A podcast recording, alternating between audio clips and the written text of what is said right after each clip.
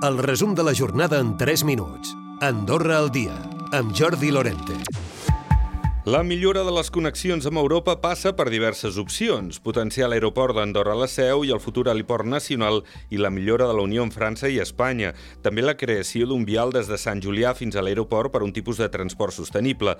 L'estudi sobre l'obertura de la xarxa de mobilitat encarregat pel govern, això sí, descarta la viabilitat del tren.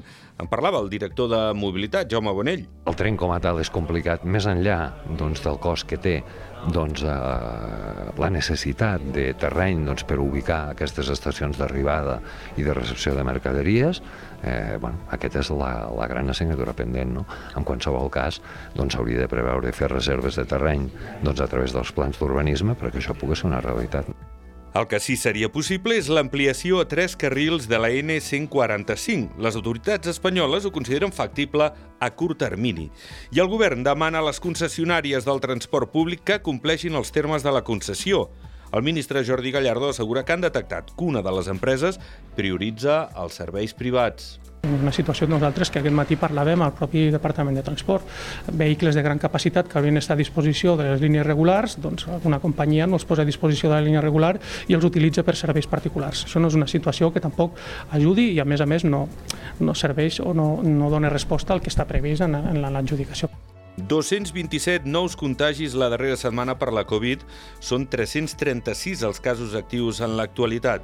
A l'hospital hi ha 7 persones ingressades amb el virus contret. Això sí, tots els pacients estan a planta. El govern segueix recomanant portar la mascareta en casos d'aglomeracions i especialment al transport públic.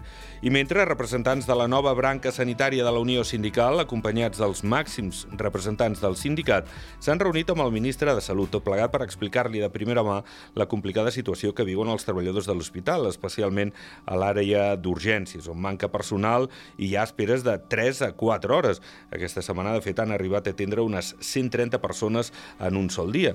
Sobre la qüestió, el ministre portaveu Eric Jové ha recordat que s'ha incrementat notablement el pressupost de l'hospital per l'any que ve i que també fa poc s'ha signat un conveni col·lectiu. Aquest conveni col·lectiu el que ens marca també és com un professional en el si d'aquest centre hospitalari doncs, pot anar creixent professionalment realment com se'l pot anar valorant i ens marca unes regles del joc tant a l'administració com als, als professionals que ens donen aquest excel·lent servei eh, al màxim de clares possibles.